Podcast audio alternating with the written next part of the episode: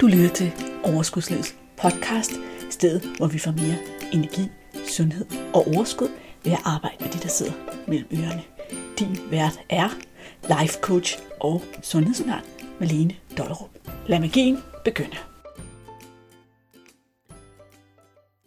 Velkommen til den her episode af Overskudslivets podcast, hvor vi skal snakke med Maj Nisman, som er seksolog og parterapeut blandt en hel masse andre ting. Og hun har stor succes med at rådgive online om alt det her med sex, og har blandt andet lavet online kurset for sexlysten tilbage. Hun kalder sig vist den der webseksolog. Og jeg har inviteret mig i dag, fordi jeg gerne vil tale om sammenhængen mellem, hvordan vi ser på vores krop og tænker om vores krop, og så det her med vores sexlyst. Og samtidig så skal det ikke være nogen hemmelighed, at jeg også udfordrer mig selv lidt i den her situation, fordi det der føles lidt grænseoverskridende at skulle snakke om sex i sin podcast. Men øh, jeg tænker, at det ikke er noget problem, mig har. Overhovedet ikke. og mig, nu er det jo sådan, at jeg tager den nemme del af præsentationen, og så er der sådan en regel her i podcasten, og det er, at man skal prale lidt af sig selv. Så hvis du nu bare kunne få lov at prale lidt af dig og dine superpowers, hvad vil du så sige? Uh, altså først og fremmest, den jeg praler, vil jeg lige sige tak, fordi jeg må være med. Jeg er helt vildt glad, at du spurgte. Og hvis jeg skal prale af mig selv, jamen, så kan jeg vel sige, at jeg kan prale af, at jeg er mega god til at få skabt mening i mit liv. Det synes jeg faktisk, og det lyder måske lidt skørt, fordi øh, med alle de fancy titler, jeg besidder, alle mulige ting og sager, så kan det være sådan lidt, åh, oh, den havde jeg ikke lige set komme. Men, ja. men det, jeg faktisk synes, jeg er allerbedst til, det er faktisk at skabe mig et liv, som jeg glæder mig til hver dag, og som giver mig mening, og som gør, at jeg, øh, og jeg evaluerer jævnligt på det, og som gør, at jeg har en oplevelse af, at jeg både er den mor og kæreste og ansatte i mit eget firma, som jeg gerne vil være. Og ved du, jeg tror altså lige, at jeg tager mit headset af her, for jeg kan se, at min, øh, mit kamera, det står og hopper så hver gang jeg bruger mit headset. Jeg har sådan en, øh, så jeg håber, at lyden er okay nu. Kan du stadig ja, høre mig? Jeg kan stadig høre dig. Oh, det var så, godt. Øh, så... hver gang jeg bevæger mig, så bevæger den sig nemlig. Så, øh, så ja. det kunne blive lidt træt. Ja, men, men det jeg egentlig, øh, jeg har mest at prale af, det er, det, det, det er faktisk det. Øh, og så for den gang skal vi løgn til min mand og jeg, der vi lade os til at sove i går aften, så lå vi lige at snakke om, vi har kendt hinanden i lidt over 13 år nu, hvor langt jeg egentlig var nået i mit liv, sådan helt privat. Og der fik jeg sgu altid tale sådan et mindre chok, når jeg kiggede på, hvad der var sket bare i de 13 år, jeg havde kendt ham. Så det var faktisk også godt prale i dag. Sådan, ja. Det er, ikke, det er ikke så meget faglig prale, prale her. Men, men det er mere sådan en personlig tilfredsstillelse af, at jeg faktisk øh, synes, at jeg formår at skabe et liv, som, som er rigtig dejligt for mig og mine børn. Det er jeg glad for. Hvad er der, der skete i de her 13 år? Ja, super godt spørgsmål. Hvad er der sket i de her 13 år? Jamen det, der er sket i de 13 år, det tror jeg, eller det kan jeg se, øh, når jeg sådan skal evaluere lidt på det, det er, at jeg er blevet bedre og bedre til at være mig. Og jeg har respekteret mig mere og mere. Og det er jo interessant, at man ikke, eller jeg ikke bare har gjort det fra starten af, men der er der forskellige opvækstvilkår, der har gjort, at, øh, at det har sådan været noget, jeg har skulle arbejde rigtig meget med, og jeg kan se, at det er der rigtig mange kvinder og mænd, jeg er sammen med, eller skal jeg sige sammen med i min praksis, altså når jeg laver grupper og, og har dem en til en, eller en til to for den sags skyld, også oplever det, Altså det her med, at man kan egentlig godt mærke, hvad man har lyst til, og man kan egentlig også godt mærke, hvad man føler, og man kan også godt mærke, når noget føles meget forkert, eller noget bare føles forkert, og man kan også godt mærke sin mavefornemmelse, som jo ifølge forskningen ret 80% af tiden, men det er en helt anden snak. Men man respekterer det, og det er rigtig interessant. Så hvis jeg sådan skal koge, det, koge en funk på det, så tænker jeg, at det, som, som jeg har gjort allermest, det er at blive bedre og bedre til at respektere det, jeg mærker, og handle på det. Fedt. Det skal ja, vi alle sammen blive gode til. Ja, for pokker det. det jamen, og det, og det er faktisk sådan, det er jo, altså, det, det er sgu sådan lidt nyt for mig at sætte ord på på den måde, men jeg har også lige nu et, øh, et år i min forretning, hvor at jeg virkelig skærer ind til benet og af, hvad det er, jeg gerne vil lave. Øh, jeg har rigtig mange ting, jeg godt kan lide at lave, og så har jeg nogle ting, som jeg virkelig elsker at lave. Jeg har, altså, der er virkelig begyndt at blive nogen, fordi jeg har flere forskellige forretninger, de er alle sammen vokset, sjovt nok. øh, pudsigt nok, ikke? Så jeg er virkelig øh, begyndt at skære ind til, jamen hvad er det, hvis jeg, altså hvis, jeg er nødt til at skære noget af det her fra, medmindre jeg skal have nogle ansatte. Og, og det er jeg faktisk ikke interesseret i, øh, udover øh, de freelancer, jeg har, dem der hjælper mig på kundeservice, eller Mia, der hjælper mig på kundeservice, sådan. Men, men mere den her med, okay, hvis jeg skal koge endnu mere funk på, hvad jeg kan lide at lave i hverdagen, hvad er det så? Ikke? Så derfor er jeg begyndt at skære meget fra, så der, og, og det i sig selv har, altså det er noget af det til, min virksomhed har simpelthen sat nogle indre processer i gang også. Og det er jo enormt interessant. Og nogle gange enormt frustrerende at skulle vælge noget fra, jeg elsker, men det er jo så til fordel af noget for noget, jeg elsker endnu mere, så det er jo et frygteligt privilegie i bund og grund. Ikke? Jo, det tænker ja. jeg også. Det vil simpelthen være en skarn at sidde og brokse over det, så jeg brokker mig ikke. Jeg siger bare, at det er, det kan også være en svær at skulle vælge noget fra, man elsker, og som gør en kæmpe forskel for andre mennesker. Det kan være svært. Ja, ja det giver mening. Men kan du give mig sådan et eksempel på, hvordan du sådan tidligere måske ikke har været så god til at mærke, hvad du mm. følte, og så handle på det? Ja, jamen, øh, jeg kunne faktisk godt mærke, hvad jeg følte, men jeg respekterede det ikke. Ja. Øhm, men det har været for eksempel i forbindelse med samarbejdspartnere. Mm. Det har været i forbindelse med øh, venner og bekendte. Det har været i forbindelse med valg, jeg skulle tage i min forretning, hvor jeg har taget valg, som umiddelbart sådan på overfladen så ud til at være de rigtige valg. Det er det, man gør, når man er nået mm. hertil i sin forretning. Eller det er det, man gør, når man er nået hertil i sit liv. Ikke? Yeah. Øhm, eller det er det, man gør på et tidspunkt, købte jeg en finansiel rådgiver ind, fordi jeg begyndte at tjene rigtig en forretning. Og det, som den måde, jeg havde kørt min økonomi på hele livet, fik jeg faktisk at vide, var rivende forkert. Og eftersom jeg, en, jeg havde hele tiden sådan en overbevisning om, jeg tænkte, jeg ved ikke særlig meget om det her, jeg gør bare det, der er sund fornuft for mig. Og så købte jeg en ekspert, og er meget autoritetstro. Så jeg troede på, hvad vedkommende fortalte mig, hvilket faktisk gjorde, at jeg tog nogle beslutninger, som jeg godt kunne mærke, ikke var i alignment med det, som var vigtigt for mig, men som jo var det, han sagde, der var det rigtige. Og det, øh, den har jeg måttet æde senere, og det, at det, der er kun et ansvar, og det er mit. Øh, og den måtte jeg have måttet tage på mig og sige, okay, det har, det har gjort, at der skete nogle ting i mit liv, som, som jeg ikke har synes der har været fede, og det, det rettede jeg så op på. Ikke? Så det har været det her med at lytte mere til andre på en måde i nogle, i nogle ting, hvor jeg har tænkt, jamen de ved bedst, og har helt klart også haft en ekspertviden, men det har stadigvæk ikke funket for mig. Og, og det synes jeg, det er vildt vigtigt at gøre opmærksom på, at der, at der, der er to ting i det her, fordi det ene er, at man mærker frygt, fordi man bevæger sig ud i et område, der kan være nyt.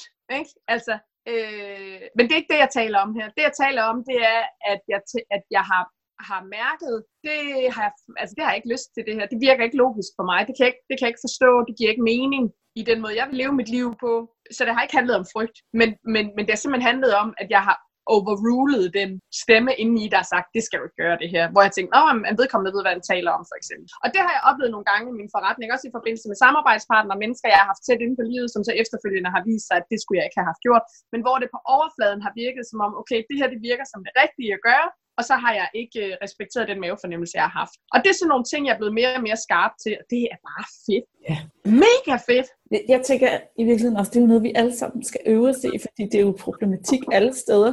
Nu har du en forretning, og jeg ved, det er også nogle af lytterne, der har det, men der er også masser, der ikke har. Og det her, du sagde også så fint med det her med, det er det rigtige, det er det rigtige at gøre på det her sted i livet. Altså vi er optaget af, at nogle gange så kommer det, det skal man jo. Skal man ikke? Ja. Yeah. for at mærke efter, skal jeg? Føles det rigtigt for mig? Jeg synes, det var en super fin uh, krølle, du lige fik med der. Spændende. Ja, mega spændende, og det er jo også rigtig relevant i forhold til de klienter, jeg sidder med, fordi at der er jo flere af dem, der har det på samme måde, for eksempel når det handler om deres parforhold, når det handler om deres, øh, deres sexliv. Altså for eksempel her, bare her til morgen, da jeg stod op, lå der en besked på min Facebook-side, som jeg tror, jeg laver en, en Insta-story om lidt senere, hvis øh, spørger jeg selvfølgelig lige, om det er okay, at jeg bringer emnet op, ikke? Men, men øh, sådan at skyder på det, men, men det handlede også om det her med, som jeg også tit får i brevkassen, hvis ens partner ikke vil gå i parterapi, hvad gør man så? Mm. Ikke? Hvad stiller man så op, når man ved inde i sig selv, det her det er det rigtige at gøre? Ikke bare for at fikse dig, men for at, at fikse os. Mm. Øh, hvad, hvad stiller man så op, ikke? Og hvor at, at, at der møder jeg rigtig mange mennesker, som i år vi egentlig bare har sagt, det vil du ikke, jamen så okay. Nå, så går jeg så rundt her og lider, ikke? I stedet for at være endnu mere insisterende, og faktisk nå derhen, hvor man så måske siger, ved du hvad, det, der er ikke noget forkert i, at du har den holdning, og der er ikke noget forkert ved dig, men jeg er nødt til at forholde mig til, hvordan jeg har det. Jeg er nødt til at se, om, mine, om jeg har en oplevelse af, at mine følelsesmæssige behov, de bliver mødekommet her i, i vores parforhold, og det har jeg ingen oplevelse af, at de gør. Jeg forsøger at tage nogle initiativer til, at vi kan få noget hjælp. Det, det afviser du, og det er du i din fulde ret til. Det efterlader mig et sted, hvor jeg er nødt til at forholde mig til, om jeg så ønsker at bygge videre på den her relation, så det vil jeg lige gå i tænkeboks omkring. Men kan man ikke også nå ret langt ved ligesom at, at starte med at være, at der er en part, der går i terapi, eller jo, det kan man godt, men det kommer helt an på, hvilke problematikker det drejer sig om. Mm. Fordi det, jeg kan se, det er, at vi for eksempel har rigtig mange stressproblematikker i Danmark. Mm. Øh, og det er noget, jeg jævnligt skriver om, både fordi det påvirker øh, relationerne til vores partner, det påvirker relationen til selv, men det påvirker også vores sexliv, og det påvirker også relationen til vores børn.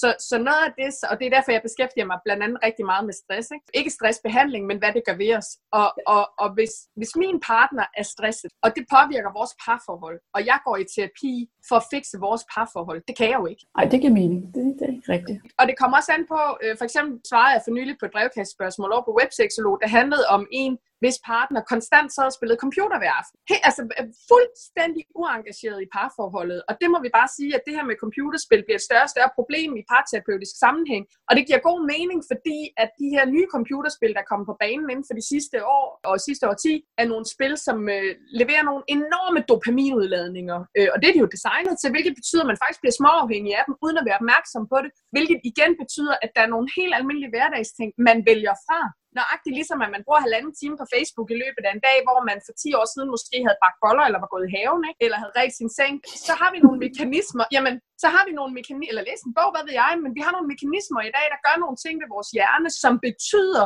at vi vælger nogle ting fra ubevidst. Og hvis man har for eksempel har en partner, som er meget mere engageret øh, hver aften i sit øh, computerspil, end, end i parforholdet, jeg siger ikke, det skal være enten eller, så er man nødt til at tage stilling til, altså så nytter det jo ikke noget, at jeg, jeg går i terapi, hvis min partner er uengageret. Det, der kan hjælpe mig til, det er, at jeg kan blive afklaret, men jeg kan ikke fikse, hvis jeg har en uengageret partner er Gud ved hvilke årsager, så kan jeg ikke fikse et problem, der kommer fra den anden side af. Og jeg synes, det er rigtig relevant at tage med det her, fordi det er en af de helt store misforståelser inden for terapiverdenen. Øh, inden for det, jeg er, og nu kan det godt være, at jeg bliver voldsomt upopulær, men det, jeg kalder hul om hej til. Men, men det er simpelthen, at man kan ja, altså alt handler om mig. Nej, ved du hvad, det gør det faktisk ikke. Alt handler ikke om dig. Der er faktisk, du kan, du kan bidrage med en vis portion til jeres parforhold, og så kan din partner bidrage med en vis portion til parforholdet. Og uanset hvor meget du hopper og danser og springer og alle mulige ting, og så er det rigtigt, du kan gøre nogle tiltag, du kan se, om der sker noget ved det. Men hvis din partner i bund og grund er enormt uengageret, og faktisk bare bruger dig og, og jeres fælles hus som et hotel, så kan du faktisk ikke gøre noget ved det. Og der synes jeg, at rigtig mange af de her selvhjælpsbøger, som jeg kan se, der er på markedet, som jeg også har læst, de gør altså folk en bjørntjeneste ved med at blive ved med at bilde ind, at det hele udspringer fra dig. Fordi det gør det ikke. Vi er nødt til at respektere, at der er to mennesker i et parforhold, som har en indflydelse på parforholdets status. Øh, og igen, det er rigtigt. Der er nogle ting, jeg kan gøre. Jeg kan blive bedre til at sætte grænser op. Jeg kan, men jeg kan ikke fikse vores parforhold alene, og jeg kan heller ikke fikse for eksempel min mands engagement i vores parforhold. Og et velfungerende parforhold, det ved vi, og det ved vi fra forskningen, det kræver faktisk et engagement kommer ikke flyvende ind af vinduet af sig selv. Og man bliver tømt i sin følelsesmæssige konto, hvis det hele tiden er mig, der skal drive engagementet. Det kan ikke lade sig gøre. Det kan det godt, men, men, men, det, men det efterlader parforholdet fuldstændig uligevægtigt. Og på den lange bane, så kan det være, at man går fra hinanden, enten fysisk, men det kan også være, at man går fra hinanden psykisk, og så er man bare to mennesker, der bor under samme tag. Men jeg synes, vi skal, vi skal virkelig være opmærksom på, at man kan ikke fikse alt i sit parforhold, hvis eller gå i terapi. Det giver så god mening. Det var meget, meget fint. Jeg kunne mærke, at du brændte rigtig meget for det. Og jeg tænker også, at hvis vi virkelig lytter til det, du siger, så er det også en lettelse lidt, fordi det fratager os, os som enkelte personer for ligesom at sige, okay, jeg har ikke helt ansvaret her, så det er mm. ikke nødvendigvis mig, der gør noget forkert, fordi det kan det godt være, hvis man ligesom siger, du skal bare, du skal bare, du skal bare. Og så hvis jeg så ikke lykkes med det, fordi det er i bund og grund af min partner, der ikke er engageret, så står jeg jo bare og føler mig forkert. Og det har du ligesom ja. lige løftet fra os. Det synes jeg er super dejligt. Ja, præcis. Og jeg møder faktisk, altså nu, jeg, jeg laver en del frivilligt arbejde, og i min del frivilligt arbejde, der møder jeg rigtig mange unge kvinder, har gjort det gennem året, som er overbevist om det her, og som befinder sig i stjernedysfunktionelle parforhold, hvor de, ja, altså jeg vil sige, det er, det, vi taler om udnyttelse af mennesker her, og hvor de hele tiden læser artikler og følger nyhedsbreve og prøver at gøre sig selv bedre og større, og hvis bare jeg gør dit, og hvis hvis bare jeg er mere lækker, og stop det. Det eneste, du skal gøre, det er at mærke efter i bund og grund. Hvad er det, du har brug for? Bliver dine følelsesmæssige behov imødekommet her? Er der noget i din adfærd, der tyder på, at du skubber din partner væk? Eller skal vi prøve at kigge på, om der er noget i din partners adfærd, der tyder på, at vedkommende faktisk egentlig bare bruger det her som sådan et hotel? Og når jeg begynder at snakke med dem om det, så er det en helt anden kvinde, eller mand for den sags skyld, der sidder foran mig i løbet af de næste måneder. Fordi så tager man jo ansvaret i bund og grund rigtig meget tilbage til sig selv og siger, okay, jeg har faktisk gjort det, jeg har gjort det, jeg har prøvet det, jeg har faktisk også, det, det er ikke fordi, jeg ikke er engageret. Så jeg er engageret, jeg vil gerne, men hvad med, så når man, når, man, når man siger, okay, det er ikke kun mit ansvar, så begynder man faktisk også at kunne kigge mere objektivt på, hvad byder den anden ind med. Prøv at forestille dig det her, Melene. Prøv at forestille dig, det her var en arbejdsplads. Hvis man mødte op på sin arbejdsplads med den indstilling, jeg ser, at der faktisk er relativt mange mænd og kvinder, der leverer i deres parforhold, så var man faktisk blevet kaldt til medarbejdersamtale. Og sendt hjem. Så var man muligvis blevet sendt hjem på sådan en, måske skal vi lige tage en fælles overvejning her omkring, det her er en god løsning for os. Men det er ligesom om, at det må man ikke rigtig i et parforhold. Og så er vi også nødt til at forholde os til, at der er rigtig mange mennesker, også i parforhold, som hører ud af kategorien narcissistiske personlighedstyper i større eller mindre grad. Og medmindre det er kendt for dem, og det er noget, de er villige til at arbejde med, så befinder man sig også ofte i et meget uligeværdigt parforhold. Øh, og den er man også nødt til at tage med ind i det. Fordi prøv at forestille dig en kvinde, som, øh, eller en mand, jeg er nødt til at sige, fordi mænd finder, befinder sig også i de her parforhold. En mand, der sidder i et parforhold, som, har en, som, som tror, at det er hans ansvar det hele. Det, det er det ikke. Vi har 100% ansvar begge to. Det er så vigtigt at huske det her. Så, så det, der er ens ansvar, det er faktisk også at mærke efter, hvornår nok nok. Hvornår nok nok for mig. Ikke? Og så få sagt fra på den rigtige måde. Ikke? Ja. Altså det her med at, tænker jeg, det, det, det ved jeg i hvert fald også, jeg møder i mine coaching-sessioner, det her med, hvordan er det egentlig, vi får mærket efter, og så taget den hjem, og så sagt fra og til i forhold til, hvad der virker for os. På en måde, så den ligger hjemme hos os, når vi siger det. Ja, Lige præcis. Og det er netop det der med at sige, det er ikke fordi den anden er forkert. Mm. Det kan bare være, at et forkert match. Og det, det er så vigtigt ikke at gøre nogen mennesker forkerte her, fordi der er ikke nogen mennesker, der er forkerte. Men det er ikke det samme som, at vi passer sammen. Og hvis mit engagement er markant højere, fordi jeg vil dig meget mere, end du vil mig, så kommer det ikke til at fungere. Og så må vi kigge på, hvad er det så, der gør, at jeg vil dig mere, eller hvad er det, der gør, at du vil mig mindre? Er det så fordi, der er nogle andre faktorer, der spiller ind? For eksempel har vi slåsset med stress herhjemme i forbindelse med Mads, da han var soldat. Og der var noget, stress, noget stressfaktor, der spillede ind. Så det handlede ikke om mig og børnene. Det handler om noget, der var inde i ham. Så man er nødt til at sige, okay, hvad handler det her om? Handler det her om, at man egentlig bare gerne vil sidde og spille computer hver aften, og slippe for at lave aftensmad, og slippe for at vaske op, og slippe for at putte børn, og slippe for det ene og det andet? Fordi det er bare egentlig meget fedt. Det gør mit liv mega nemt. Jamen, det er fint nok, men, men, men så skulle du måske overveje, om det skulle bo på et kollegieværelse og tage takeaway, ikke? Altså i stedet for at få et andet menneske til at gøre de her opgaver for dig, medmindre I har en aftale om det. Ikke? Så, så, så jeg synes, der er, nogle, der er nogle ting, man er nødt til at kigge på og sige, hvad er, hvad er de bagvedliggende grunde her? Og er det noget, nogen er villige til at arbejde med? Og hvis ikke der er noget, hvis ikke nogen er villige til at arbejde med noget, så må man jo sige, okay, så må jeg jo lige finde ud af, hvad jeg vil her. Ja, og så tage et. Men jeg tænker lidt, nu snakker du meget om, at du møder dem her, som prøver, prøver, prøver, prøver at lave sig selv om og gøre alt muligt for at få det ja. til at fungere. Men møder du ikke også modsætningen? For jeg forestiller mig, at der må også komme nogen, som du ved, kun synes, der er noget galt med den anden part, og det er hele vejen igennem med den anden part, der skal laves om. Jo, jo. det er sjovt, fordi der er sådan en øh, myte i parterapi om, at, øh, jeg skal skrive en artikel om myter i parterapi, men, men det der med, at man altid kommer i parterapi for, at den anden skal fikses, det er altså ikke altid lige det, jeg oplever her. Det vil jeg sige. Men nu er jeg måske sådan, jeg ved ikke, om jeg er sådan lidt utraditionel i min måde at lave parterapi på, men det er rigtigt, at der er også nogen, der kommer og siger, at det er min partner, der er noget galt med. Men som udgangspunkt, altså jeg plejer jo at, at, at stille par nogle spørgsmål, alt afhængig af, hvilken, hvilken problematik de kommer med. Så plejer jeg at stille nogle spørgsmål omkring, altså, som de skal forberede til første gang, og der er et af spørgsmålene jo faktisk, hvad er det, jeg har altså hvad er det, jeg byder ind med, der gør, at vi er endt her. Så allerede der, der starter selvreflektionen omkring, hvad er mit ansvar i, at vores parforhold, det er nået hertil. Ikke? Så der, der kan man ligesom sige, der, der kan man godt se, hvor kan man godt mærke lugten i bageriet, hvordan det foregår nede ved mig. Ikke? Det, man skal to, der er to til en tango, på, uanset om det er en god eller en dårlig. Ikke? Ja. Der, der skal også være en, der finder sig i at blive behandlet dårligt. Ja. Og ja, der, der, altså, der skal også være en, der finder sig i at blive behandlet godt. Ikke? Altså, der, der er ansvar i alle, alle dele. Ja, og nogle gange så er det simpelthen også det her med bare at få nogen til at vise, ja, få det frem, ikke? Ud i, ja.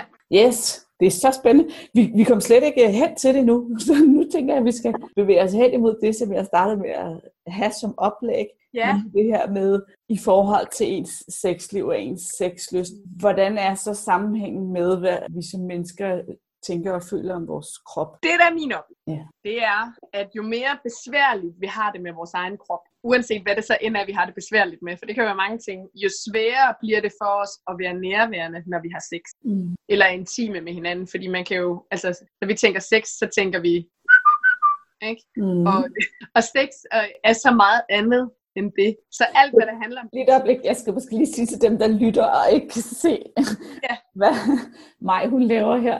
Så sidder hun og laver øh, en... Øh, ja, hun har en rund finger, eller en, et hul med den ene finger, og så putter hun fingeren ind i den anden. Det er Ja. Yes. Det er børnehavebolletegn her. Hvad var det, jeg var ved at sige, Melene? Nu bliver jeg helt vildt ud af den. Nej, men, men det kan ikke. Men jo sværere man har det med et eller andet omkring sin egen krop eller inde i sig selv, jo sværere kan det blive at være nærværende, når man skal være intime med hinanden seksuelt på en eller anden måde, eller sensuelt. Mm. Og jo mindre man kan være nærværende, jo mere træls kan ens oplevelse af det blive. Hvis, hvis jeg ligger hele tiden og, og har min opmærksomhed delt, når jeg har sex eller en time med min mand. Hvis halvdelen eller 80% af min opmærksomhed er uden for mig selv, eller, øh, eller inde i mig selv, for eksempel på hvad jeg tænker, åh oh, nej, jeg skal trække maven ind, og åh oh, nej, hvad nu hvis, og uh, uh. altså, så er jeg oppe i mit hoved, og jeg tror ikke, der er nogen af os, der kan frasige os, at vi er der en gang imellem, når vi har sex, men, eller en time, men, men det er graden af det. Mm. Og så kan det faktisk blive så meget, som man får oplevelsen af, at man ikke kan mærke, hvad der foregår i kroppen. Og så bliver det rigtig uheldigt. Og, og det er vigtigt for mig at sige, at det her det er jo mange forskellige problematikker. Det er jo både mænd og kvinder, der oplever det her. Der kan for eksempel også ligge en, det, det, det kan også være noget helt andet, der ikke bare handler om ens krop. Det kan også være, at man, har, man, man er usikker på, om man er en god elsker eller elskerinde. Altså om man, er, om man er god at gå i seng med, god at have sex med, eller være intim med, og om man gør det godt nok. Så vil man også ofte ligge og have en agenda inde i hovedet omkring, hvad kan jeg gøre bedre, hvorfor ser hun sådan ud, hvorfor, hvad betyder det, så man hele tiden har indre dialoger kørende, i stedet for at erfare og opleve og prøve sig frem og mærke efter og se, hvad der sker. Så min erfaring er, jo mere man er oppe i hovedet på sådan en bekymrende usikkerhedsmåde, enten omkring sin egen krop, eller omkring sine præstationer, eller omkring, hvad man byder ind med, jo mere nedsætter det kvaliteten af det, man oplever. Så når man kommer ud på den anden side, så vil man ikke have oplevet den samme kvalitet, som hvis ikke man var i det, og egentlig oplevede nøjagtigt det samme. Giver det mening? Det giver så meget mening. Altså på den måde får man også mindre lyst, fordi det var egentlig ikke nogen særlig oplevelse. Jamen det er måske ikke engang lysten, der bliver nedsat, fordi man kan sagtens have masser af lyst, og det er jo også nogle af de ting, jeg arbejder med, blandt andet på mit sexlist workshop. Du kan faktisk sagtens have masser af lyst til din partner, men ikke have lyst til den sex, du har med din partner. Men ofte så, så kommer vi til at tro, om så er det fordi, jeg ikke har lyst til sex. Og det er meget vigtigt at lave den skældning, fordi der kan være mange grunde til, at man ikke har lyst til sex med ens partner. Det kan være, at der ligger noget relationelt, hvor man måske har nogle svigt, man ikke har fået bearbejdet, og derfor ikke har lyst til at være intim med sin partner, fordi det gør simpelthen for ondt, fordi der bliver åbnet op for det her. Jeg har arbejdet med en del kvinder, som ikke har kunne have sex med deres mænd eller partner, fordi at de var vrede på dem. Fordi hvis de skulle kunne give sig hen, så ville den her vrede, altså så det blev sådan en, en vredes kontrol, ikke at åbne op for seksualiteten. Og det er jo ikke noget, der foregår på et bevidst niveau, det her, men, men det er noget at blive opmærksom på, og så i hvert fald sige, okay, jeg kan, jeg kan faktisk godt have rigtig meget lyst til sex i min hverdag, men når min partner kommer hjem, så sker der et eller andet, der slukker lysten. Hvad er det? Så, så, og det er klart, at hvis ens oplevelse af sex er, at man... Øh, altså, jeg plejer at bruge det sådan, det sådan lidt firkantet sat op, men hvis man går ind og spiser på en restaurant, og man får noget mad, der gør, at man får virkelig ondt i maven, så går man sjældent derind og spiser igen. Øh, særligt hvis man får madforgiftning, og hvis man har en oplevelse af, at man dyrker sex af enorm lav kvalitet, som faktisk ikke er noget, der efterlader en, i hvert fald et lille bitte plussted. Hvorfor skulle man så på en femårig bane blive ved med at opsøge det? Så kan man godt tvinge sig selv til det, eller man kan godt tage sig sammen øh, over måske en årrække, men hvis man bare bliver ved med at have en oplevelse af at være skuffet, og det ikke er særlig godt, og man tvivler mere og mere på sig selv, og måske mere og mere i sit hoved og ens partner, man får heller ikke fortalt ens partner, ved du, når du rører ved mig med de der håndværkerhænder, så, så krasser det faktisk enormt meget, eller jeg kan virkelig godt lide at blive adet på inderlårene, i stedet for at du går direkte på klitoris, når jeg ikke er blevet våd og ophidset endnu. Jeg kan jo tale om det her, som andre taler om kylling og tunsalat, ikke også? Så ja. det er jo mit fagområde, men, men det der er min pointe, det er, hvis man ikke får rettet ind, så sexen kvalitetsmæssigt i bund og grund bliver bedre og bedre, hvorfor skulle kroppen så sige, Woohoo, det gider jeg da bare mega godt det her. Det gør den jo ikke, sådan fungerer det jo ikke. Så vil den faktisk få mere og mere modstand på det helt af sig selv. Øh, og det er jo også der, hvor vi simpelthen kan se nogle gange, at, at kvinder muskulært lukker til i underlivet. De begynder simpelthen at få sådan en betinget refleks, at jeg kan ikke have sex. Jeg skal ikke penetreres her og nu uanset hvor meget man så ligger op i sit hoved og tænker, om jeg burde have sex, så, så vil musklerne lukke sammen, så, der kan, så kroppen er enormt klog, og det er derfor, det giver virkelig god mening at lytte til, hvad den fortæller en, og respektere det, og så arbejde ud fra de vilkår, man har. For eksempel ligesom hvis man oplever øh, hormonelle forandringer, når man nærmer sig menopausen eller efterfølgende, at man så oplever, at de hormonelle forandringer, man gennemgår, gør, at man bliver sådan lidt, øh, at der skal lidt mere til, for at varme kroppen op fysiologisk. Det er jo også det, mange kvinder oplever når, øh, efter en fødsel, at hormonerne er i spil på en måde, som gør, at øh, man måske ikke lige bliver fyret op på øh, 45 sekunder, som man kunne for fem år siden, men at forspillet tager lidt længere tid, for, fordi kroppen simpelthen fysiologisk, altså det fysiske reaktioner her, skulle bare er lidt forsinket. Og hvis ikke man, man er opmærksom på, at det for eksempel kan være helt normalt for en stor del af kvinder, der er selvfølgelig også nogle kvinder, der ikke oplever det, men hvis ikke man er opmærksom på det og respekterer det, så vil man hurtigt presse noget ned over hovedet på sig selv, som bliver en ubehagelig oplevelse. Og så ender man faktisk ofte et sted, hvor at sex det bliver noget, der bare skal overstås. Ikke? Og, og, så, og så er vi inde i en, en rigtig ond cirkel her. Og det er jo en, en, en fin spænd tilbage til det, du startede med at sige, da du pralede det her med at blive bedre og bedre til at, at lytte til sig selv. Men nu synes jeg lidt, at vi har vi sidder et lidt tragisk sted. Så. Ja, det er du ret i. Så hvad gør vi så, hvis, hvis vi står i den situation, du ligesom har optalt ja. der? Det man gør, det er, at man begynder at kigge på, hvad er det egentlig, jeg kan lide. Sex er jo en leg forbeholdt voksen, og lege plejer at være sjov. Ja. Så hvad kan jeg faktisk godt lide? Lad os komme tilbage til det, der var fedt. Mange, ikke alle, nogen, kan godt lide at kysse. Måske skulle man bare prøve at starte med det. Hvad sker der, hvis vi kysser? Man kan prøve at tænke tilbage og sige, okay, hvad var det egentlig? Der, så? Ja, kom jeg, så tænker jeg, hvad sker der, hvis vi kysser? Og så har jeg i hvert fald talt med nok kvinder til at vide, at nogle af dem tænker, så vil han have mere, og det er jeg ikke klar til. Så fordi at tesen er jo her, den underliggende overbevisning er, at hvis jeg har sagt A, så skal jeg også sige B. Ja. Ja, og det betyder, at når man går rundt med den inde i, både som mand og som kvinde, fordi mænd har den også, øh, der er jo masser af mænd, der mangler lyst, og ikke har lyst til sex. Det er bare, min oplevelse er, det markant mere tabubelagt for mænd at have det sådan end for kvinder. Kvinders sexlyst, eller mangel på samme, har vi jo snakket om i overvis. Men googler du mænds manglende lyst, så vil du ikke øh, opleve lige så meget information, som du vil som kvinder. Øh, fordi mænd har jo altid lyst, ikke? De tænker på sex 10 gange i løbet af et minut. Ja, ja. så kan sige, at det her med, at man skal at, at, at hvis man vækker en lyst i den anden, skal man også tage ansvar for at fuldføre den. Hvor ser vi den andre steder i livet? Altså, det, det, på en eller anden måde giver det ikke rigtig mening, og man kan sige, at det der sker, det er, at man så, når man har den overbevisning, faktisk trækker sig fra sin partner. Og når man trækker mm. sig fra sin partner, så holder man helt op med at have fysisk kontakt i hverdagen. Så, giver man ikke engang, så har man ikke engang længere lyst til at give et kys om morgenen, fordi hvad nu det så bliver forventet, at vi skal have sex kl. 22.30? Mm. Og så fjerner man, altså, og det gør faktisk situationen værre, i stedet for i talesæt. Ja. Fordi man kunne jo sige,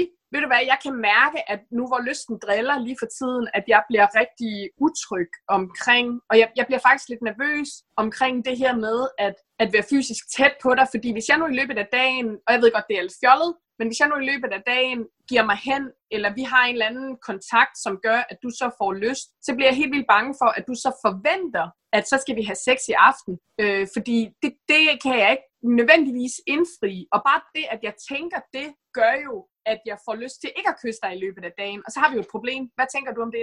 Og så kan man jo stille og roligt på den måde. Jeg, jeg er godt klar over, at nu er jeg jo vant til at snakke om det her. Jeg er vant til at have de her samtaler med par. Og jeg er godt klar over, at, at jeg får det til at lyde meget nemmere, end det er at gøre det i virkeligheden. Men for nogle mennesker kan det give, give bedre mening, og så tage den over sms eller et eller andet. Men det her med at få det talesat, og jeg har ikke mødt nogen i min praksis endnu i hvert fald, og jeg har haft praksis siden 2006, som har sagt, jamen jeg insisterer på, at hvis hun kysser mig om formiddagen, skal vi have sex om aftenen. Jeg har tværtimod mødt rigtig mange mænd og kvinder, som har sagt, gud, er det sådan, du har det? Sådan skal du da ikke have det. Det, det er da ikke meningen. Jeg vil da meget hellere have kys og kram i løbet af dagen, og så må vi se, hvad der sker om aftenen, end at du trækker dig fuldstændig. Så for mig at se, så handler det også om, at vi får i talsat, og vi bliver bedre, og det, det ved vi faktisk også, det ved vi faktisk også forskningsmæssigt, at der kan være en stor fordel i at kunne begynde at tale sammen om seksualiteten på en måde, hvor vi kan tale sammen om den på også når den ikke er besværlig. Men at vi kan tale sammen, sammen om det som det, det er. Det er leg, og det er nydelse, og det er liderlighed, og det er tænding, og det er dig og mig, der har noget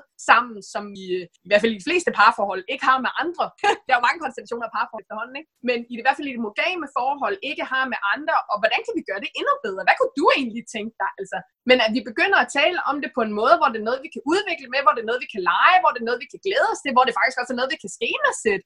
Fordi det har vi lyst til. Ikke at det ikke skal være spontant, men også at det faktisk kunne være noget, man som par sagde, ved du hvad, skulle vi ikke, skulle vi ikke prøve næste lørdag, og så øh, købe et spil, eller give os mega god tid, eller der er mange muligheder, ikke? Men det her med, at vi begynder at kunne i tale sætte seksualiteten for det, det er, det er et tilvalg, vi har i vores liv, som kan være enormt givende og positivt, hvis det er det, vi gerne vil have, det skal være. Og hvis vi ikke længere ønsker, det det, det skal være, så må vi jo tage den derfra. Vi skal bare vide, at hvis jeg som den ene part i et parforhold tager et valg, der hedder, jeg har faktisk besluttet mig for, at jeg ikke har brug for sex resten af mit liv, og derfor lukker jeg ned for den del, så er det faktisk ikke kun mig, jeg tager et valg for. Nej. Så gør, laver jeg det, man på engelsk kalder double choice. Så tager jeg et dobbelt valg. Så jeg, jeg tager et valg for min partner. Nøjagtigt som hvis den ene part siger, Jamen, jeg har besluttet mig for, at det der kærestetid, det gider jeg heller ikke længere. Nå, så er man sådan efterladt lidt til sig selv, ikke? Øh, jamen, hvad skal vi så finde på? Altså, og det er meget vigtigt at gøre sig klart, at hvis man gerne vil have et, et velfungerende og, og, og langtids, altså et langtidsholdbart parforhold, er jo, ikke, er jo ikke svært at få, man skal jo bare blive i det, men et velfungerende langtidsholdbart parforhold, som, hvor man nærmer sig hinanden mere og mere, får et bedre og bedre sexliv, bliver bedre og bedre venner, får et bedre og bedre teamsamarbejde, så man står stærkere og stærkere sammen for hvert år, der går, så skal man levere til dobbelt. Ja. Så skal man samarbejde og finde ud af, hvad skal der til, for at vi kan samarbejde bedst muligt her i respekt for hinanden. Giver det mening? Ja, det er super fedt. Jeg sidder og sluger det råt, fordi jeg synes, ja, det er meget, meget fedt. Ja, ja. Altså, og, og, og virkelig den her, sådan, synk helt ind, den her med, at når jeg tager et valg på den måde, så tager jeg også et valg for min partner. Og det er ikke nødvendigvis i orden, tænker jeg. Det er i hvert fald ikke nødvendigvis det, ens partner ønsker, og så må man jo tage den derfra. Altså, vi er jo nødt til at forholde os til, at hvis vi vælger et parforhold, så vælger vi jo faktisk at sige, ved du hvad, læg du bare dit hjerte her i mine hænder. Jeg skal nok passe godt på det. Og i det øjeblik, man ikke længere ønsker at passe godt på det, så skal man måske levere det tilbage. Mm. Eller i hvert fald give vedkommende mulighed for at gøre noget andet, ikke? og i talsætte det, og, og, og det synes jeg er ret vigtigt, at vi er opmærksom på det her med, at der er ikke, vi kan jo ikke tage for givet, at vores partner er her hver dag. Det, det kan vi faktisk ikke. Mm. Og der er jo nogle gange nogen, der får et chok, fordi at lige pludselig kommer de hjem en dag, og så er deres partner der ikke mere af den ene eller den anden årsag. Så det her med at komme tilbage til, til, at vi er her faktisk for at passe godt på hinanden. Vi har faktisk valgt aktivt. Der er ikke nogen, der har tvunget dig til at være her. Vi har faktisk valgt aktivt at være en del af hinandens liv. Vi kan vælge at modarbejde hinanden, det vil jeg ikke anbefale. Det vil sige, som parterapeut, det vil jeg ikke anbefale.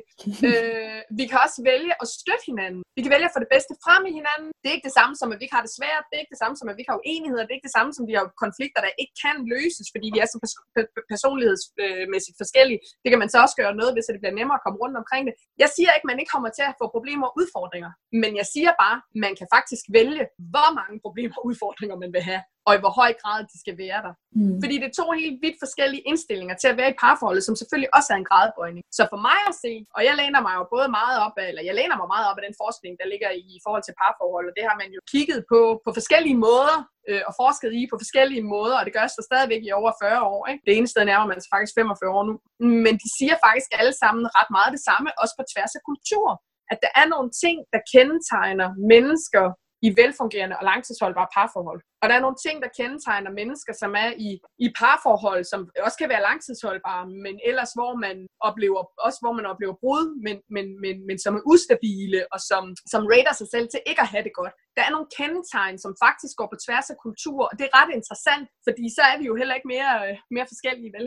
Ja, og de kendetegn er?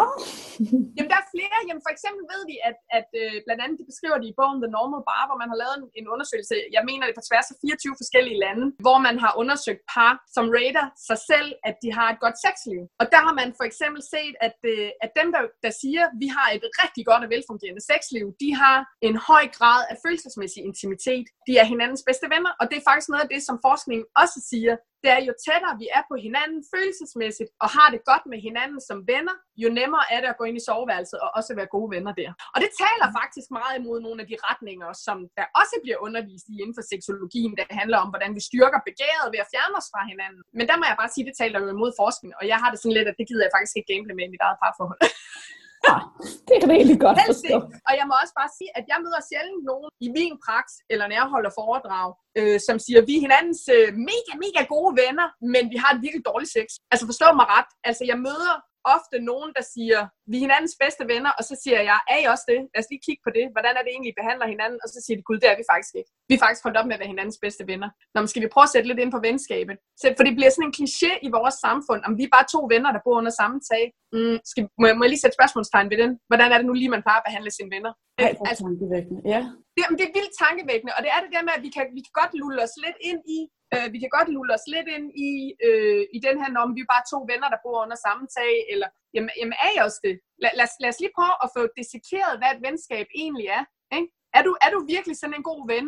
Og er din partner virkelig sådan en god ven? Og hvad skal der så til for, at, at vi tager det med ind i soveværelset? Forstå mig ret, ikke? Altså har I stadigvæk en nysgerrig oprigtighed på hinanden? Støtter I hinanden i hinandens livstrømme? Bakker I hinanden op i det, der er vigtigt for hinanden? Det er jo noget af det, som jeg tænker gode venner gør.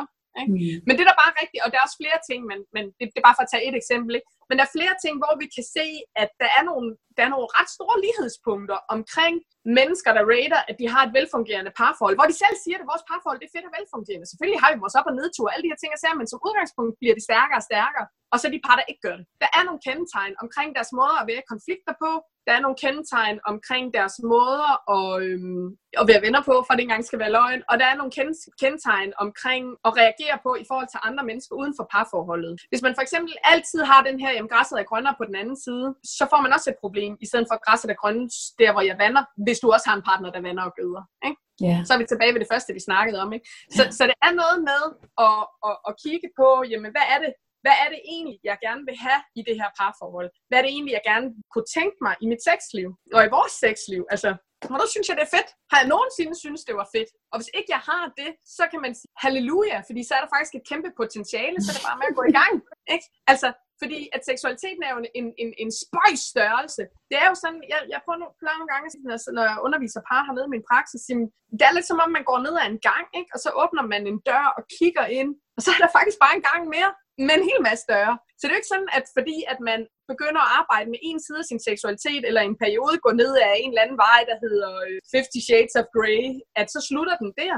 Det kan være, at øh, det, at man synes, det er sjovt at lege med blindfold i soveværelset, altså der, hvor man skærper en af sanserne, mm, eller fjerner en af sanserne og skærper de andre, jamen at det så leder noget andet med sig. At lige pludselig kan vi måske snakke om, at jeg har en en nu kan vi måske, måske udvikle en fælles fantasi eller et eller andet. Måske viser det sig sådan, om jeg har egentlig altid drømt om, at vi kunne læse erotisk litteratur for hinanden, eller nu kommer jeg med nogle eksempler, som kan virke sådan langt fra, hvis man sidder og oplever sit sex er svært. Ikke? Men det kan også bare være, at man begynder at tænde et lys i en helt anden ende af soveværelset, så der er bare en lille bitte smule lys og så begynder man at kysse hinanden lidt. Altså der, det, det er der, hvor man som par må gå ind og sige, hvad er næste skridt for os, hvis vi har lyst til at gå ned ad den vej her. Hvis du, nu siger du, hvis du har lyst til at gå ned ad den her vej, så tænker du, at nogle gange så er der nogen, der ikke har lyst til at gå ned ad nogen veje overhovedet, eller hvad? Mm.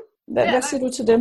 Jamen, jeg er enormt nysgerrig på det. Helt vildt. Jeg spørger og leger journalist. Ude, ude, ikke dømmende journalist. Det er jo det bedste, man kan gøre, både i sit parforhold, men også som terapeut. Vær nysgerrig, skulle jeg til at sige. Hvordan kan det være? Hvad tænker du om det? Gud, fortæl mere. Hvordan er du nået derhen til? Hvad, hvor kommer den konklusion fra? Og bliver de så ved med at have det sådan, eller hjælper det som regel at få spurgt ind til det? Det kommer lidt an på, hvad der ligger til grund for det. Mm. Det, er jo ikke, det er jo ikke alle mennesker, som er interesseret i at udvikle sig. Nej, Nej det er lidt svært at forstå for sådan en som mig. Ja, jeg elsker at udvikle mig. Ja, ja men, men et eller andet sted, så er det jo også fint nok at have det sådan, så må man bare også tage konsekvenserne af det, hvis nu, at man, hvis nu man for eksempel har en opførsel eller en adfærd, som er virkelig svær at leve sammen. Lad os sige, at man egentlig ikke har lyst til at engagere sig i sit parforhold på nogen som helst måde, og man ikke har lyst til at byde ind med overhovedet, at den anden skal føle sig elsket. Så er det jo fint nok at have det sådan. Altså det er der jo ikke noget forkert i, sådan må man jo gerne have det. Man skal bare vide, at så er der jo en vis risiko for, at man ender alene. Og, og det er jo fair nok. Altså, man skal bare vide, at hvis man... Jeg plejer at bruge historien... Øh, det, det er sådan en fin lille... Jeg tror, det er en engelsk børnebogshistorie. Det handler om en, en høne, der gerne vil bage en kage. Jeg ved ikke, om du kender den, men hun skal... Det er Gokke, den røde høne. Ja, det kan godt være. Så hun skal bruge korn, og det her korn, det skal mhm. males, og hun skal bruge dit og dat. Og der er ingen af de andre dyr på gården, der gider at være med til det her. Så det er, og hun spørger dem alle sammen. Hun spørger grisene, hun spørger køerne, hun spørger katkillingerne, hun spørger musene, hun spørger fuglene, hun spørger dem alle sammen, og ingen gider at være med. Men da kagen er bagt færdig, der vil de alle sammen gerne komme og spise den. Og så tror jeg nok, at det ender med, at hun spiser den selv. Måske får hun lidt ondt i maven, det ved jeg ikke. Men det er bare, altså, så plejer jeg at fortælle den historie. Altså, det, at, altså, det er fint nok, at man ikke vil være med til at, at, at bære mælk til kagen, men skal du så have en bid af den? Er det rimeligt? Ikke? Og det plejer nogle gange at kunne sætte nogle refleksioner i gang. Og i bund og grund har vi jo kun et ansvar for vores eget liv. Og så jeg sidder og tænker, jeg sidder nemlig og tænker, at jeg tit siger det her med, at du er et voksen menneske. Du må virkelig gøre lige, hvad du vil. Det må du. Ja. Du kan ikke bestemme, hvad andre mennesker skal gøre. Du må bestemme, hvad du gør. Men du er jo ikke fri af konsekvenserne af de valg, du tager. Nej, nej. Og det er jo også lidt det, du siger, at du må gerne vælge ikke at sætte noget som helst ind på mm. parforholdskontoen, men du er ikke fri af konsekvenserne. Altså, nej, lige det kan godt være, at din partner går, ikke? Jo, jo, fordi der er to mennesker her med to sæt af følelser. Og, og, og igen, det er lidt min oplevelse, at vi har den her meget romantiserede forestilling af, hvad et parforhold er, og at det bare skal køre af sig selv. øh, og det gør det ikke. Mm. Igen, hvis du havde den indstilling, når du gik på arbejde, at du aldrig skulle lægge en ekstra indsats, eller du skulle blive kaldt til en mus-samtale. Altså måske er det ved at være på tide, vi skal kalde vores partner til en mus-samtale og sige, ved du hvad, jeg ved sgu godt, at jeg ikke har puttet ind med særlig meget det sidste stykke tid. Det er, jo, det er jo en arbejdsplads, det her. Det er jo en kærlighedsarbejdsplads, hvor vi kan få tingene til at vokse, eller vi kan få tingene til at visne. Det er vores valg hver evig eneste dag, når vi står op, nøjagtigt ligesom med børneopdragelse. Der er mm. virkelig mange ting, vi kan gøre som forældre for at få vores børn til at visne. Der er også virkelig mange ting, vi kan gøre for at få dem til at blomstre. Ikke? Yeah. Og det er det samme med vores partner. Det er virkelig det samme med vores partner. Den er, den er ikke så meget længere. Altså. Nej, jeg så faktisk også på din hjemmeside, at, at et af dine yndlingscitater, det var det her med, forelske kommer, forelskelse kommer af sig selv, og kærlighed går af sig selv. Ja, og jeg kan ikke engang tage æren for det. Jeg kan ikke huske, hvem der har sagt det, men, men, men det gør det. Kærlighed er noget, vi skal holde ved lige. Mm, noget, vi skal arbejde for. Ja, og arbejde for lyder så hårdt, men hvornår har det sidst været hårdt at byde ens partner på en date og give tre komplimenter? Ikke? Altså det, vi skal huske, det er, når vi siger arbejde for, kan det hurtigt komme til at lyde som noget, der er enormt hårdt. Men hvis vi gerne vil have et parforhold, hvor vi holder romantikken og gnisten ved lige, og hvor vi har et velfungerende sexliv og et skide dejligt sexliv, som vi ser frem til, og som vi også kan have perioder, som er kører på rigtig lavt blus, fordi der er andre ting, der spiller ind, men at det er okay i en periode. Fordi vi ved, at vi sammen nok skal komme stærkt igennem det, øh, eller komme igen senere. Jamen, hvis, vi, hvis det er det, vi vil have, så kommer det ikke flyvende ind af vi. Så kræver det, at der er nogle færdigheder, vi kan. Og de færdigheder har vi ikke lært, fordi vores forældre kunne dem heller ikke. Ev. Ev.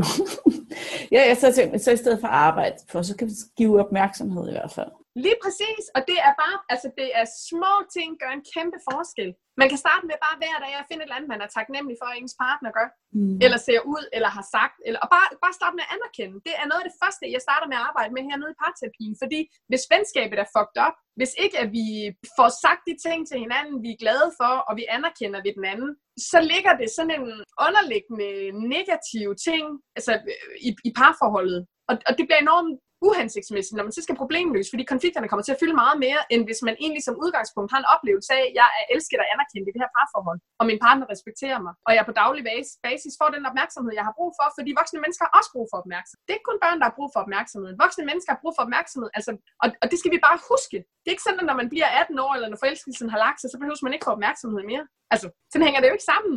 Det er jo ikke trivsel i parforholdet, vel? Det er jo mistrivsel. Og vi vil gerne have trivsel i vores parforhold. Og så kan man simpelthen starte med, i, så kan man starte med at gøre de små ting. Kig på den anden og sige, du ser dejlig ud i dag. Det kan være det, man savner. Og det kan lyde helt banalt, og jeg er bare nødt til at sige, det er det faktisk også. Det er det faktisk også. Det er små ting, der gør den store forskel på den lange bane. Om vi snakker kommunikation, om vi snakker sex, om vi snakker konfliktløsning, om vi snakker følelsen af at være elsket. Det er de små ting på daglig basis, der gør den store forskel. Det er så fint. Jeg sidder og tænker nemlig, fordi det er jo meget konkret for lytterne også, hvis de sidder og tænker, ja, jeg kunne egentlig godt sætte lidt ind på den konto. Jamen, så er det måske bare at starte med at finde tre små kærlige ting, du kan gøre i dag. Sige til din partner, han eller hun ser godt ud. Og... Ja, eller bare én, Malene. Bare én bare ting om dagen. Man kunne prøve at, at, at lave det som sådan en udfordring. Hvis jeg gør det her én gang om dagen i 30 dage, hvad gør det så ved stemningen i parforholdet? Mm. Altså, nu dukker lige op i mit hoved, fordi ja. at jeg startede med det her med det her kropsbillede og det her syn på os selv.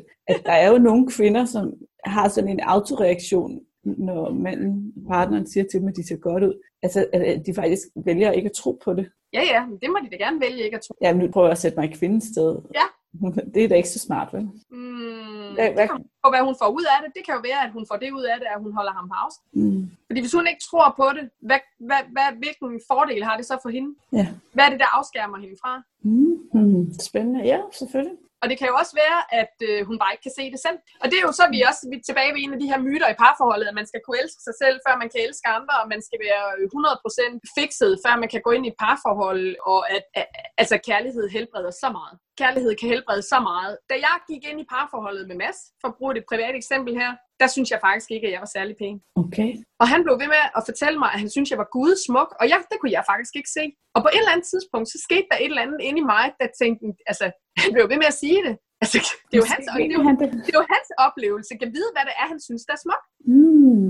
Og, og det, der er i det, det er, at vi ser det faktisk også i andre te, altså i, i terapi med mennesker, der har det rigtig svært, at når der kommer et andet menneske ind i deres liv, som lige pludselig begynder at vende op og ned på deres oplevelse af sig selv, så kan der faktisk være nogle af de her oplevelser af sig selv, de begynder at sætte spørgsmålstegn ved. Gud, det kan jo godt være, at der er en sandhed i det. Det kan jo faktisk godt være, at jeg er et godt menneske. Ikke? Det er jo så fint. Ja. Det er så fint. Og det fjerner også den der, der hedder, at jeg skal, jeg skal 100% elske alle sider af mig selv, før jeg kan gå ind i et parforhold. Hold kæft, hvis vi skulle det, så var der jo ikke nogen mennesker, der var i et parforhold. Altså, slap Det så af. jeg også tænkt.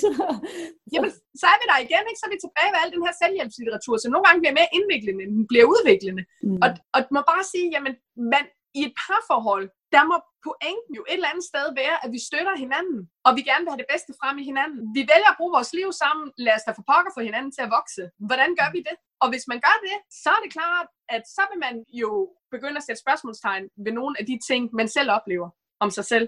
Okay, når min partner er så insisterende omkring, at jeg er et godt menneske, så kunne det være, at enten må vedkommende være virkelig dum, eller også så kan det jo være, at vedkommende kan se nogle ting, som jeg ikke selv kan se. Det er nok mere sandsynligt. Mm. Ikke? Og så kan man jo bruge det på den måde, så man faktisk kan vokse af et parforhold. Ikke? Giver det mening? Ja, det giver så meget mening. Det her med, jo mere energi vi bruger på at anerkende hinandens gode sider, jo nemmere bliver det også for os selv at tro på dem, når vi får det at vide. Ja. Jamen sådan kan det i hvert fald være i nogle, i nogle tilfælde. Jeg siger ikke, at det er sådan i alle overhovedet, men jeg siger bare, at det kan være en konsekvens af, at vi begynder at sige tingene højt. Ikke? Og jeg kunne også godt lide pointen med det her med, at vi skal jo ikke være 100% fikset, eller synes alt er godt ved os selv for at elske et andet menneske. Nej. Meget, meget fin pointe også. Øh, vores tid løber jo derud af, Maja.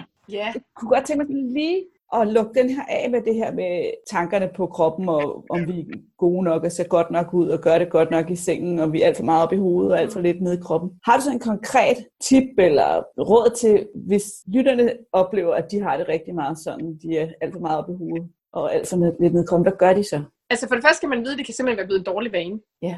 Ja, det kan virkelig være blevet en dårlig vane, at man gør det. Og så vil jeg sige, at det handler faktisk rigtig meget om, hvor du flytter din opmærksomhed hen. Så, så det, jeg vil opfordre til, det er bare, at man prøver at lege lidt med at flytte sin opmærksomhed rundt. om, Gud, hvad sker der, når jeg bliver rørt her? Hvad sker der, når jeg er aktiv? Hvordan er det for mig at være aktiv over for min partner, tilfredsstille min partner seksuelt? Hvordan er det for mig at modtage, at jeg bliver tilfredsstillet? Eller modtager nydelse? Altså simpelthen prøve at flytte, ligesom når man laver sådan en guided meditation, ikke? hvor man flytter opmærksomheden rundt i kroppen, og så er der en eller anden enorm behagelig stemme, der siger, og hvis dine tanker flyder, så retter du bare opmærksomheden tilbage på, hvad du mærker i din knæhase. altså, det er lidt det samme, ikke? Altså, det går, nu røg jeg opmærksomheden igen, for det gør den. Det er sådan, vores hjerne er. Så, ui, så røg vi lige ud af den tangent.